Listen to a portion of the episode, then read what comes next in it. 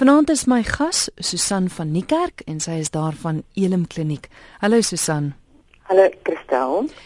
Ons gesels vanaand oor koafhanklikheid. Neem jy verantwoordelikheid vir ander ten koste van jouself? Susan, koafhanklikheid. Weet ons wat dit is? Christel, ja, ek sal gou begin en net 'n paar stellings wil maak en dan kan luisteraars ehm um, sien waarmee identifiseer hulle positief en as daar enige positiewe identifikasie is met van die stellings wat ek maak, kan die gesprek wat ons vanaand het dalk vir hulle tot ehm, 'n um, nuwe begrip bring. Nou, ehm um, al die stellings wat ek wat ek gaan maak, ek kan op een persoon in 'n lewe van toepassing wees of daar kan 'n patroon wees van die betrokke raak by ander mense. Ek graag wil begin en te sê, eh uh, vind die luisteraar dat hy uh, dink en verantwoordelik voel vir 'n spesifieke persoon in sy lewe. Vir daai persoon se gevoelens, daai persoon se gedagtes, dit wat daai persoon doen en die keuses wat hy uitvoer. Voel hy 'n um, soort van ehm um, amper 'n geforseerde krag om betrokke te raak en probleme vir hierdie persoon op te los en uit te sorteer. Is daar 'n geneigtheid om sy eie gevoelens en sy en behoeftes ondergeskik te stel aan die van ander en ten alle koste eerder ander persone sal probeer tevrede stel as jy weet as homself. Voel die persoon ehm um, onseker en skuldig wanneer mense en ongemaklik wanneer mense wanneer hulle moet in die ontvangsposisie wees sodat baie meer gemaklik en voel baie meer veilig wanneer hulle kan in 'n situasie wees waar hulle gee. Vind hulle dat hulle 'n soort van ehm um, aangetrokkenheid het tot mense of 'n persoon wat in nood is. En vind hulle ook dat ehm um, mense wat in nood is aangetrokke voel weet aangetrokke is dit hulle. Is daar 'n algemene gevoel van verveeldheid leegheid en 'n waardeloosheid as daar nie 'n krisis of 'n probleem is in hulle lewe of iemand wat hulle kan ehm um, help nie? En voel hulle dit oor die algemeen kwaad geviktimiseer nie waardeer nie en gebruik. Nou, ehm um, as daar jy weet 'n uh, 'n positiewe identifikasie met van hierdie is, dan is dit daar 'n moontlikheid dat daar 'n probleem van 'n koafhanklikheid is. Nou wat dit beteken is eintlik 'n baie ehm um, 'n term wat baie dekades bestaan. Dit het sy oorsprong in verwysing na die huweliksmaak van alkoholiste, waar waar die waar huweliksmaats so gefokus geraak het op en dis maar 'n algemene tendens op die alkoholise probleem en die gevolge daarvan en die uitsorteer daarvan dat dat hulle in die proses hulle eie mens wees verloor het en nie hulle eie lewe kon lei nie. En met dit het navorsers besef dat die kenmerke van koafhanklikheid en eintlik in enige verhoudingskonteks kan voorkom. Met families, ouer-kind verhoudings, tussen kollegas, vriende, met man-vrou, met romantiese verhoudings, portuïergroep en gemeenskapsverhoudings. Nou dit kom ter sprake waar 'n persoon so betrokke en gefokus raak in 'n ander persoon se lewe dat dit dat dit oor die langer termyn ten koste van sy eie identiteit en sy menswees is. So daar's letterlik 'n 'n preokkupasie met die ander persoon se behoeftes, die probleme en al die dinge wat gebeur, die die die, die koafhanklike met ander woorde organiseer sy gedagtes, sy gevoelens en sy gedrag rondom die ander persoon en en op sy leuke taal kan ons sê dat die koafhanklike leef sy lewe deur die ander persoon. Nou, ehm um, ek hierdie die koafhanklikheid verwys nie na 'n normale omgee nie. Ehm um, maar na 'n situasie waar die betrokkenheid by 'n ander persoon uitermate en ongesond is. Met gesonde empatie en en en omgee word gemotiveer deur 'n bewuslike keuse. Jy stel grense jy weet waar jy eindig en waar die die volgende persoon begin en jou jou omgee vir die ander persoon is nie ten koste van jouself of die ander persoon of die die volgende persoon nie. Maar koafhanklikheid is daar 'n ontwikkel daar onbewustelike dit is nogal baie belangrik. Die persoon is nie regtig bewus van ehm um, wat met hom in sy dinamie in die dinamika met die in sy verhouding met die ander persoon gebeur nie. So dis 'n onbewustelike kompulsiewe gedragspatroon waar die persoon nie besef wat die implikasies vir homself of die ander persoon is nie en die situasie is altyd not nadeel van die koafhanklike en die ander persoon by wie hy oor betrokke is.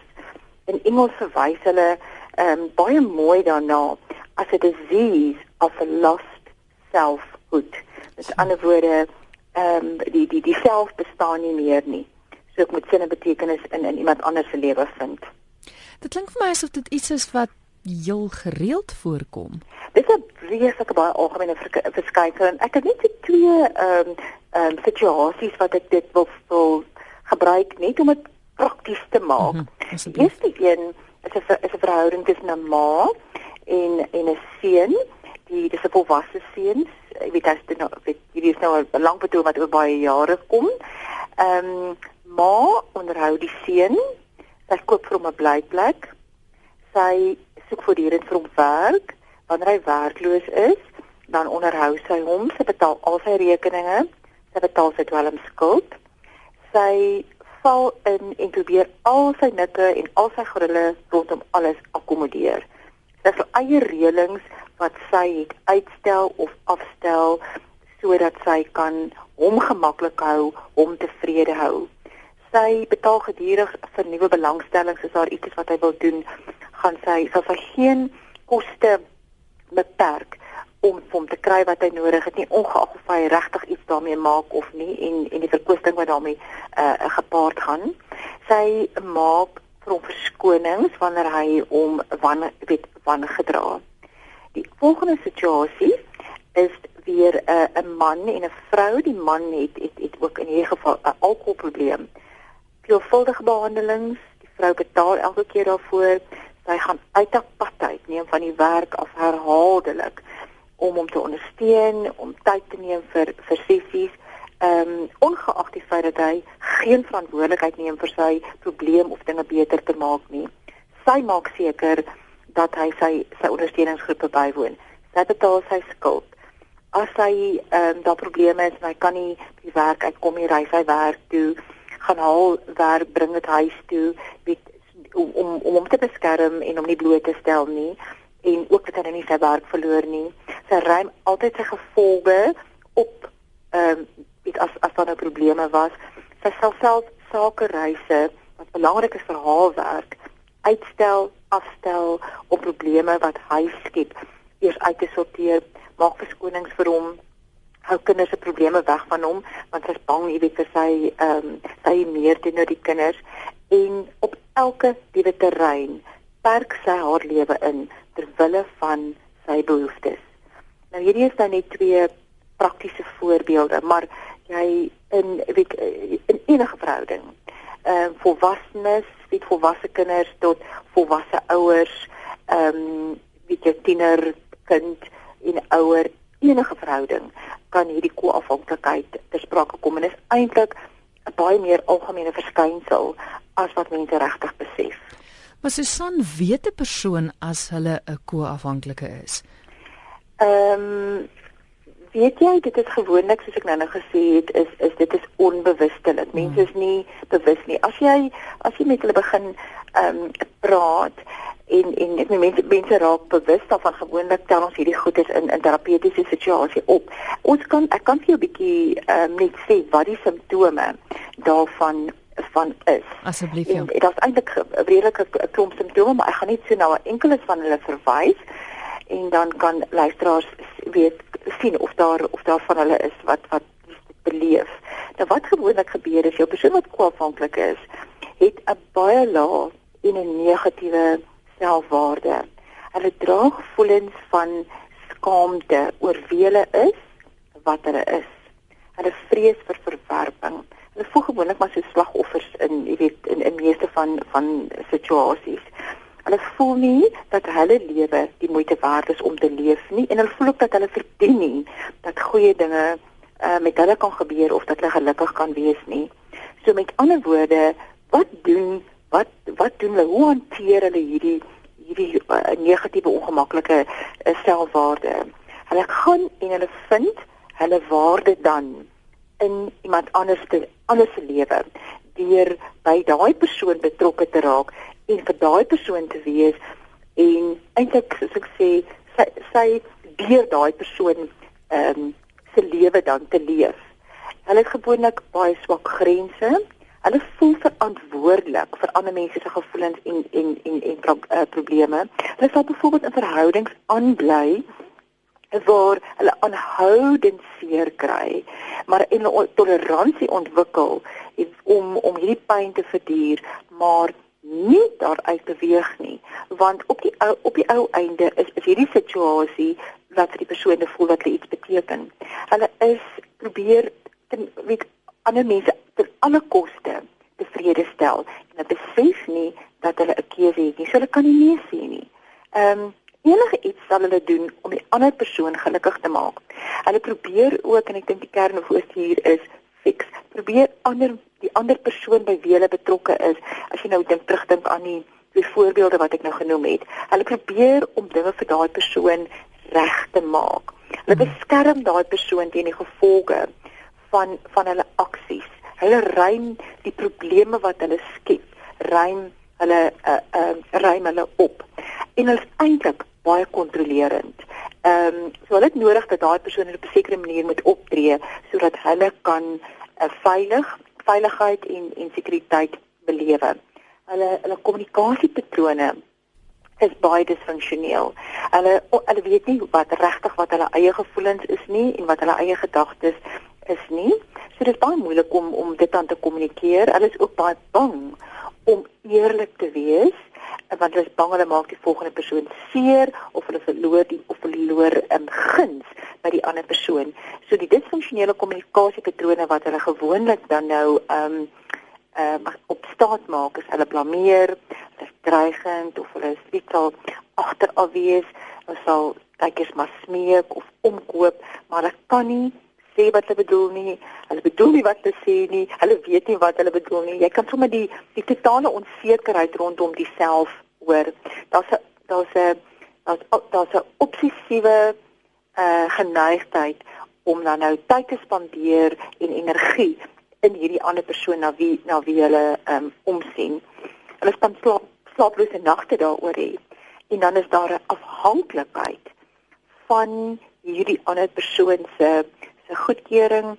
Hulle daar's 'n desperate soeke na liefde, na um goedkeuring en ongelukkig is dit so dat hierdie mense selde betrokke raak in verhoudings by mense wat eintlik in staat is om vir hulle te gee wat hulle nodig het. En en en hierdie afhanklikheid is omdat hulle nie voel dat hulle gelukkig en tevrede kan wees net met hulle self en wie hulle is nie. En eintlik, meeste van die tyd is hulle ontkenning en besef hulle nie wat besig is om te gebeur en wat die dinamika is van hierdie ongesonde verhoudings waarby hulle betrokke is nie. Ehm um, so dit is dit dit maak dit baie moeilik om dit te hanteer en daar's 'n totale gebrek aan vertroue en meeste van die tyd het hierdie mense dan um, verhoudingsprobleme. Hmm. Want vir enige iemand om 'n uh, gesonde, weet emosionele intieme verhouding te hê met 'n volgende persoon, moet jy weet wie jy is, jy weet jy beklarigheid wees rondom jou eie identiteit en jy moet veilig genoeg voel om jouself en jou gevoelens met 'n volgende persoon te deel. So hierdie is net sommer 'n hele mond vol, jy weet oor oor die tipiese ja, simptome van 'n koafhanklike. Ons gesels oor koafhanklikheid en finansiële geestesgesondheid. Neem jy verantwoordelikheid vir ander ten koste van jouself? Ek het 'n oproep. RSG Goeienaand. Goeienaand Christel. Ek gaan my naam anoniem hou. Seker. Ek het uh, was getroud en my man is oorlede op 41. Ek is 3 jaar deur my rouproses. Toe ek weer getrou. Ek was die gelukkigste mens vir 5 jaar. Toe ek geskei weens 'n uh, drankmisbruik en dinge wat gesê is in leuns en al daai goed. Toe ek heeltemal van hom af vervreem. Na 'n jaar toe so wat in my terug. Toe kom ek terug. Ek is nou terug vir 8 jaar. Hy's uh, 17 jaar ouer as ek. Hy sit net dag en nag hy's op pensioen. Doen niks nie, net geen belangstelling nie en alles alles is op my gepak. Wat kan ek doen? Goed, gaan jy luister by die radio? Ja, dankie Christel. Dankie. Susan, kon jy duidelik hoor? Ek kon nie so baie mooi duidelik hoor nie. Ehm um, ek dink die die situasie wat sy skets is dat sy nou weer terug is by haar man en hy kies om ehm um, dag en nag te of hy sit net en hy lyk my totaal en al um, on, onbetrokke. Ja, en uh, alles kom op haar af. Ja. Weet jy, ek dink dit is baie baie belangrik dat ehm um, hierdie dat, dat hierdie luisteraar dat sy gaan sit en sê wat is die wat is die verantwoordelikhede wat weet wat krities is vir my vir my ehm um, voortbestaan en dat sy dan daar vir haar grense trek.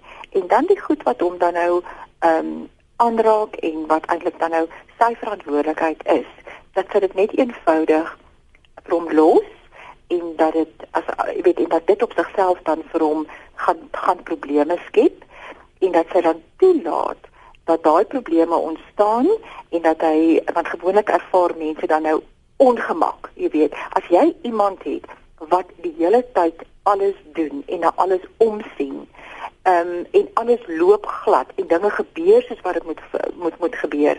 Hoekom sal daar enige uh, poging of aktiwiteit van jou kant af wees om ehm um, enige iets te doen? So dis hoekom ek sal sê ek sal die kritiese goed identifiseer en en die res moet sy los en dan moet sy net as as die dinge skeefloop net vir hom sê bietjie dis jou verantwoordelikheid wat hy kan hom vooraf net gaan sit en en 'n gesprek met hom hê en net hom soort van waarsku dat hy weet en bewus is daarvan dat hy nou nie ehm um, uh weet nou nie dat hy nou dit ons sê van onkant vang nie en as die dinge dan begin gebeur dat is net vir hom sê maar weet jy wat dit is die ooreenkoms wat ons aangegaan het ehm um, ek hou brood daarbey so jy kan hierdie dinge hanteer. Ehm um, ek gaan nie die gevolge daarvan dra nie. En aanvanklik kan daar dalk baie weerstand wees en as hierdie persoon dan sien, maar kyk sy is sy's nou ernstig. Sy gaan nie hierdie goeders doen wat my verantwoordelikheid is nie. Ehm um, dit bestaan is daar 'n groot moontlikheid dat dit tot beweging sal bring. Hmm. Susan van die kerk van Elim Kliniek is my gas.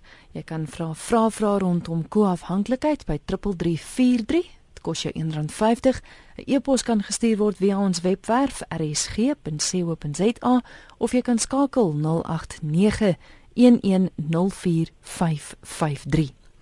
Kleintjie wil per SMS weet as ek vriendskap altyd wil koop met geskenke, is daar 'n probleem? Ehm um, die vraag wat ek graag vir kleintjie sal wil vra. Hoekom sal sy hoekom is dit so dat sy dink dat sy eerder 'n geskenk vir iemand moet gee. Wat is daar rondom haarself wat wat maak dat dit dit sy nie gemaklik genoeg is om haarself in 'n verhouding te gee nie. Verstaan jy wat ek bedoel? Ja. Dis asof wat is die wat is die uh, plek wat die geskenk moet inneem? Dis asof die boodskap is, weet jy, die geskenk het moontlik meer waarde as wat ek het.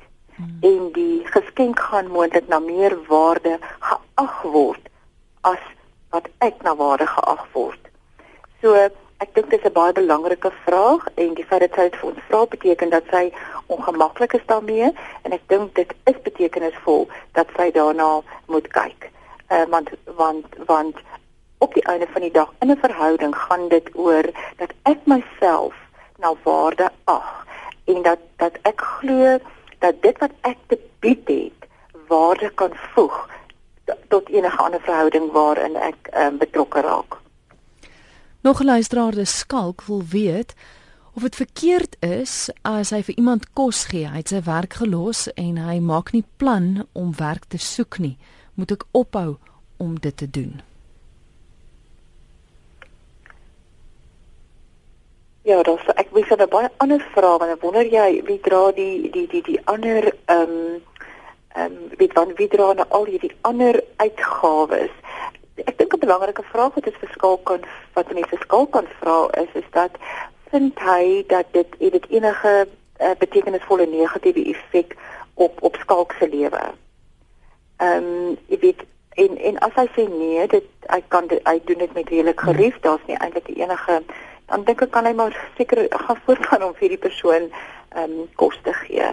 Ek sal net nie al die ander verantwoordelikheid dra wat wat met hierdie persoon se lewe gepaard gaan nie. Want weer eens dit kom terug by ten koste van jouself. Met ander woorde as jy self dis ja, ja, as dit nie iets is dit is waar die waar die ongesondheid en hmm. ehm um, wetersprake kom. Goed, ons neem nog 'n oproep. RSG, goeienaand. Hallo, uh, Christel. Ja. Jong, ek staan hier so weer van gaan span. Ek wil ek moet tog net by jou, né? El ek bly my met my jongste seun en weet ek nie as dit pas met die program wat jy nou uitsaai nie. Ek moet net gevra hoe kan ek maak? Wie my kinders ek is 73, my man is 4 jaar gelede oorlede. En wie het my net so gelos? En dan kom jy uit en bekom ek nie oor by nie.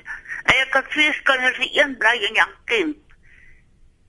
Hy -hmm. weet presies en ek is siek, regtig ek is siek, ek het osteoporose, ek kan nie loop nie. Ek verloor my sig. Ek weet hoe moet ek maak? Goed, gaan jy luister by die radio? Ehm um, ja. ek wil net uh, die die perspektief baie duidelik nie, net seker maak. Ehm um, sê sy dat haar kinders nie ehm um, by haar kom nie. Ja, sy sê sy is nie seker of dit noodwendig by vanaand se program pas nie, maar haar groot probleem is is haar kinders het haar heeltemal afgeskryf. Hulle kom glad nie by haar nie. Sy's siek. Ja, sy verloor ja. haar sig. Ja. Weet jy, ek dink dit is weet ons kan mense kan allerlei dinge raai en ek dink dit is altyd die rasionele dis enigstens die rasionele ding om te doen nie. Ehm um, en en jy kan hoor, jy weet dat dat sy in 'n noodsituasie verkeer.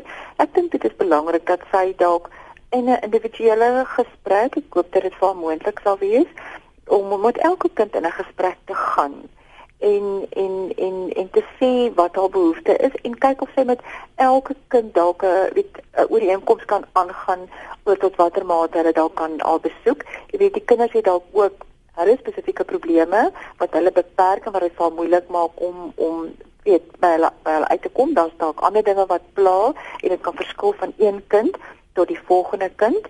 So ek ek dink nie 'n mens moet net negatiewe aannames maak oor die kinders nie. Ek sal 'n individuele gesprek, al is dit telefoniese gesprek met elke een van hulle gaan en kyk wat wat kan jy tot oor ooreenkom. Ehm um, en wat wat haar behoeftes aanbetref, maar wat ook vir hulle sal pas. Weet ons is so baie dikwels in hierdie situasie en dan ehm um, bly bly mense stil. Weet en hulle vroeg en hulle praat nie daaroor nie en dit maak hulle hulle gesiek. En en sodra mense hierdie tipe van goed oopmaak met die persone wat ter sprake is en op 'n baie respekvolle manier net jou behoeftes ook bekend maak want dit is dit is 'n gesonde kommunikasie en en dan tot 'n weet en dan op so 'n manier tot 'n ooreenkoms kom dat die ander persoon ook sy kans kan kry om sy saak te stel en miskien te sê maar Ehm um, dis nie my moontlik om ek is nie finansiëel in staat om by jou uit te kom nie, maar ek kan wel een keer 'n week vir jou bel. Want ek hoor weet jy jy het ondersteuning nodig. Die volgende kind dalk kan sê ek kan een keer 'n maand kom en ek kan vir jou winkels toe vat of ek kan vir jou iets gaan doen. Ehm um, maar as jy nie as jy nie in gesprek gaan nie en hierdie probleme so uitsorteer nie, dan jy weet dan kan daar nie oplossings kom nie. Mm SMS van 'n 22-jarige meisie wat sê ek voel definitief so. Ek voel verantwoordelik vir ander mense se gevoelens. Ek is baie vulnerable totdat iemand vir my gesê het ek kan nie mense se gedagtes en aksies beheer nie, maar ek is so. Ek sal altyd wonder of iemand gelukkig is of altyd wonder of ek iets verkeerd gedoen het. En boop alles word ek vinnig geheg aan iemand wat vir my liefde en aandag gee. Ek dink dat hierdie luisteraar ehm um, identifiseer met met dit wat ons vanaand hier ehm um, wat wat die onderwerp wat ter wat ter sprake is. En ek dink die terme wat sy gebruik is is dat sy voel voel ehm um, net baie vulnerable. Ehm um, ek dink dit is belangrik jou eerstens dat sy dat sy bewus is dat hier moontlik 'n 'n probleem kan wees Ek dink sy kan gaan sit en vir haarself gaan neerskrywe. Maar wat is dit? Hoe dink ek oor myself? En hoe dink ek oor ander mense? Want is amper asof sy sê enige iemand wat dit my goed genoeg vind of my om te gee, ehm um, gaan vir my reg wees. So asof sy nie 'n keuse het nie.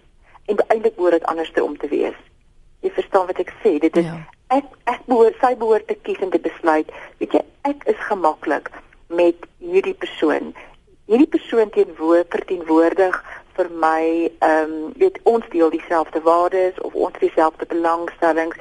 Sy behoort daai keuse te maak maar dit is asof sy dit oorlaat aan die volgende persoon om te besluit kan hulle vir haar omgee of nie? En as hulle die besluit geneem het dan is dit goed genoeg So, jy weet, sy kan vir haar uh, ek dink dit is nogal 'n hoë risiko tipe van situasie wat vir haar in problematiese verhoudings kan betrokke ehm um, kry. Hmm. Nog een wat deur gekom het, hoe kan ek ko-afhanklikheid bestuur om my lewe terug te kry? Ek voel skuldig oor dinge wat ek voel ek anders kon gedoen het tydens my seun se opvoedingsproses as Peter waaroor ek myself verwyd. Dis Annelie. Ja, anoniem gee nie vir ons 'n uh, aanduiding van hoe oud is haar seun nou nie. Mm -mm. Want uh, wat ek vir haar kan sê is is dat as sy nou besef maar sy het sekere foute gemaak. Ehm um, is dit beteken dit nie sy moet nou hierdie amper die manier waarop sy haar seun hanteer het dat sy dit daarmee voort te gaan nie sy kan 'n proses begin en en kyk maar wat het verkeerd gegaan, waar was sy oor betrokke, waar het sy nie grense gestel nie en kan sy van haar kant af haar haar posisie ten opsigte van haar kind en hoe sy haarself posisioneer, die verantwoordelikheid wat sy neem in haar, in in, in sy lewe, kan sy soort van herstruktureer tot by 'n punt waar sy voel dit is nou gesond vir haar en dit is gesond vir hom. Ehm um, dit is heel moontlik dat dit jy weet vir hom ongemaklik gaan wees, gaan vir haar ook ongemaklik wees, maar sy kan sy kan dit doen. En en sy kan gaan vir gaan kan as sy sukkel daarmee, sal ek haar aanmoedig om vir professionele hulp te gaan. Dis dalk so een of twee sessies net om dit gestruktureer te kry en en dan moet sy dan moet sy daarop fokus. So weet hierdie is ook as jy kyk na herstel. Hierdie is 'n is 'n gedragspatroon wat aangeleer is. Dit is nie iets wat geneties oordraagbaar is nie. En wanneer jy bewus word dat dat jy geneig is om so te funksioneer, dan kan jy 'n proses van herstel weet ehm um, begin en jy kan jy kan hulp kry daarvoor of jy kan vir jouself weet begin om neer te skryf en aan te teken en te kyk maar hoe dink ek oor myself? Wat is my oortuigings ten opsigte van myself? Hoe belangrik of onbelangrik ag ek myself. En en en waar kom hierdie goed vandaan? En dan leer om jouself te aanvaar en te besef maar weet jy soos vir uh, luisteraar uh, net nou so ontgenoem het is te besef is dat ek weet nie wat 'n ander persoon se gevoelens en gedagtes is nie. Ek weet ook nie wat die beste is vir 'n volgende persoon vir 'n volgende persoon nie. Ek kan net verantwoordelikheid neem vir my eie gedagtes my eie gevoelens ek kan net my lewe lei en ons kan ook nie 'n um, um, 'n lewe lei en mense om ons probeer gelukkig hou nie. Hmm. Die persoon wat jy moet aanvaar en wie gelukkig moet wees is is op die ou einde van die dag jy. En en en en as daar net ongemaklike gevoelens is of goed wat nie geproseseer is nie waarmee jy sit, ehm um, erken dit aan jouself, werk deur dit, reflekteer jou dag-tot-dag funksionering sonder om krities oor jouself te wees. Doen dit met 'n uh, 'n uh, 'n gesindheid van om jouself te verstaan. En so gaan jy selfvertroue begin ontwikkel. Jy gaan baie beter voel oor jouself en jy gaan dit gaan vir jou makliker wees om selfgeldend te wees in plaas van om te om te manipuleer en begin om dinge vir jouself te doen. Vra jouself die vraag af, ehm um, wat voel ek? Wat dink ek? Hoe wil ek 'n situasie hê? Waarmee is ek gemak? Maklik. Luister na jouself en stel grense. Gaan doen dinge wat jou gelukkig maak, wat jou tevrede maak want weet mense wat en dit is 'n algemene ding wat deel is van koafhanklikheid. Mense voel skuldig wanneer hulle ehm um, ek van hulle behoeftes omsien want hulle voel hulle moet altyd eers na iemand anders se behoeftes ja, uh, uh, ja. omsien. So dis ook 'n proses wat jy leer om gemaklik te wees om dinge vir jouself te doen en te weet maar dit is hoe dit behoort te wees. Ek moet heel eers na myself omsien voordat ek na 'n volgende persoon um, kan omsien want anders is dit nie gesond nie. So dit is 'n dis 'n probleem waarvan 'n mens kan herstel. Die prognose is is goed as jy as jy werk insit en oor 'n langer termyn daaraan werk. Dis wonderlike nuus. 'n Luisteraar sê een groot rede vir ko-afhanklikheid is ongemak met emosionele intimiteit. Sou dit een van die redes wees of 'n oorsprong van ko-afhanklikheid? Ehm um, die die die uh, luisteraar is 100% ehm um, akkuraat is dat as dat as as ek nie gemaklik is met myself nie dan gaan ek ook nie gemaklik wees om emosioneel intiem met ander woorde emosioneel myself met iemand anders te deel nie. En dit is hoekom ek net nou gesê het, dit skep altyd verhoudingsprobleme en baie dikwels sal jy vind dat jou ehm um, jou koafhanklike het, het het amper 'n rigiede tipe van grens daar dat wanneer iemand dan nou ook op so 'n manier naby aan hulle wil kom, dan dan sluit hulle dan skep hulle afstand, ehm um, want hulle is nie veilig genoeg in hulle self om toe te laat dat iemand naby aan hulle kom nie. En en dit kan weet jy kan letterlik van die een verhouding na die volgende verhouding ehm um, beweeg in die verhouding die die die blame gee hoekom dit nie uitwerk nie, maar in die tussentyd is dit die probleem. So dit, ek dink die luisteraar is weet bewus van die probleem en dis positief. So ek klaar aanmoedig om net verder daaraan te werk. Marian wil weet of dit ook kan wees as gevolg van disfunksionele kinderjare. Ehm um, dis 100% As jy vra, as jy kyk dan wat is die oorsaak van van ehm um, koafhanklikheid, dan is eintlik baie wat ons daar rondom kan sê. Maar as jy binne 'n uh, disfunksionele gesin groot word en waar daar 'n kroniese spanning is. Net en dit maak dan nie saak wat die rede vir die spanning is nie of daar ouers is met 'n um, afhanklikheidsprobleem of daar net ouers wat nie ehm um, gesonde kommunikasiepatrone het nie, daar's voortdurende ehm um, uh, met se konflik. Wat gebeur is is dat elkeen elkeen van daai gesinslede en as jy ander na kind kyk, moet 'n onaanpas by hierdie ongemak in hierdie in hierdie gesin. In 'n poging om dit te vir altyd dit te oorleef en dit te beheer. Met ander woorde, hierdie kind leer dan oor oor 'n tydperk om die hele tyd na buite te fokus want hy fo hulle fokus dan op die op die stresor. Jy weet wat gebeur en as dan 'n nou sekere goed gebeur het, weet hoe moet hulle nou daai tipe van goeders hanteer.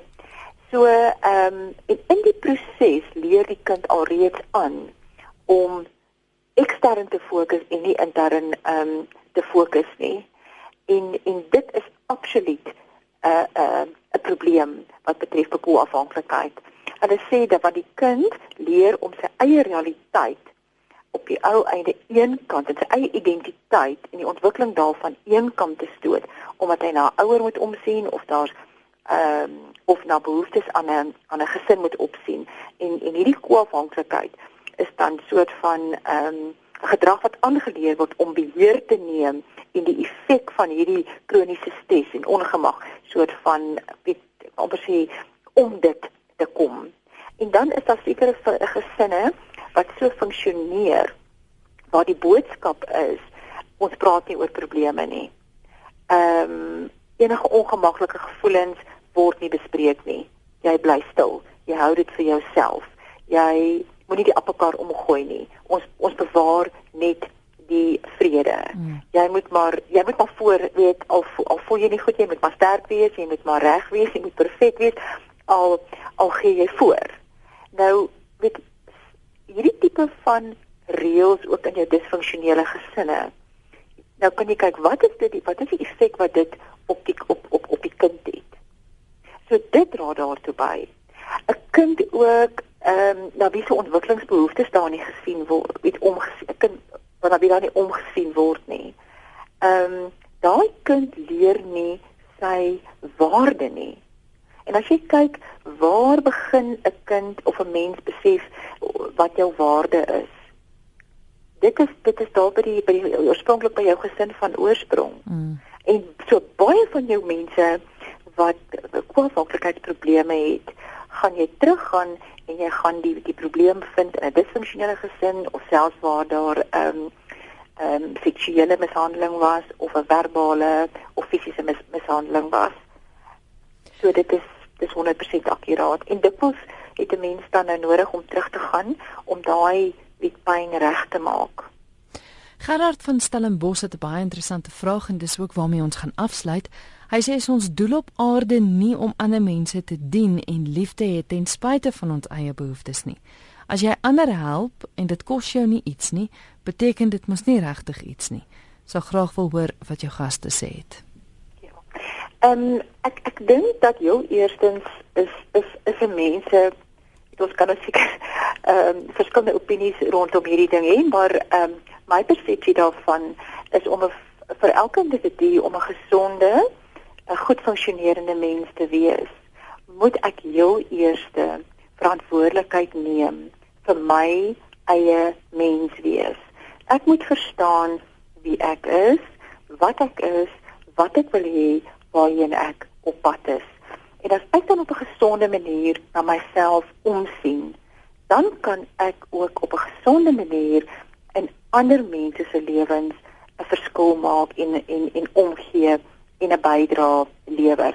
Enige situasie in my opinie wat ten koste is van jouself is dan gewoonlik ook ten koste van die volgende persoon want in hierdie koafhanklike situasie is dit nie net nie goed vir die koafhanklike nie wat wat wat nou nie kans kry om sy eie lewe te lei nie maar is ook nie goed vir die volgende persoon nie. Want eintlik die boodskap wat jy vir die volgende persoon sê gee is weet jy ek dink nie jy is in staat om jou lewe te lewe nie so ek gaan jou lewe vir jou lewe. Mm. jy, jy volg wat ek bedoel. Ja ja. So so in in in in in die ongesondheid wat dit dan nou weerskante te skep maak dit vir my ehm um, maak dit vir my 'n bietjie 'n goeie situasie nie so ek dink net dat dat soos ek gesê het elke mens moet heel eers na homself kyk Dis Susan van Niekerk van Elim Kliniek wat so gesels. Susan kan luisteraars julle kontak? Baie welkom ons te kontak. Hulle kan ehm um, vir ons skakel op 011 975 2951 of die e-posadres is info@elimklin.co.za en ons is hier in Kenkenpark.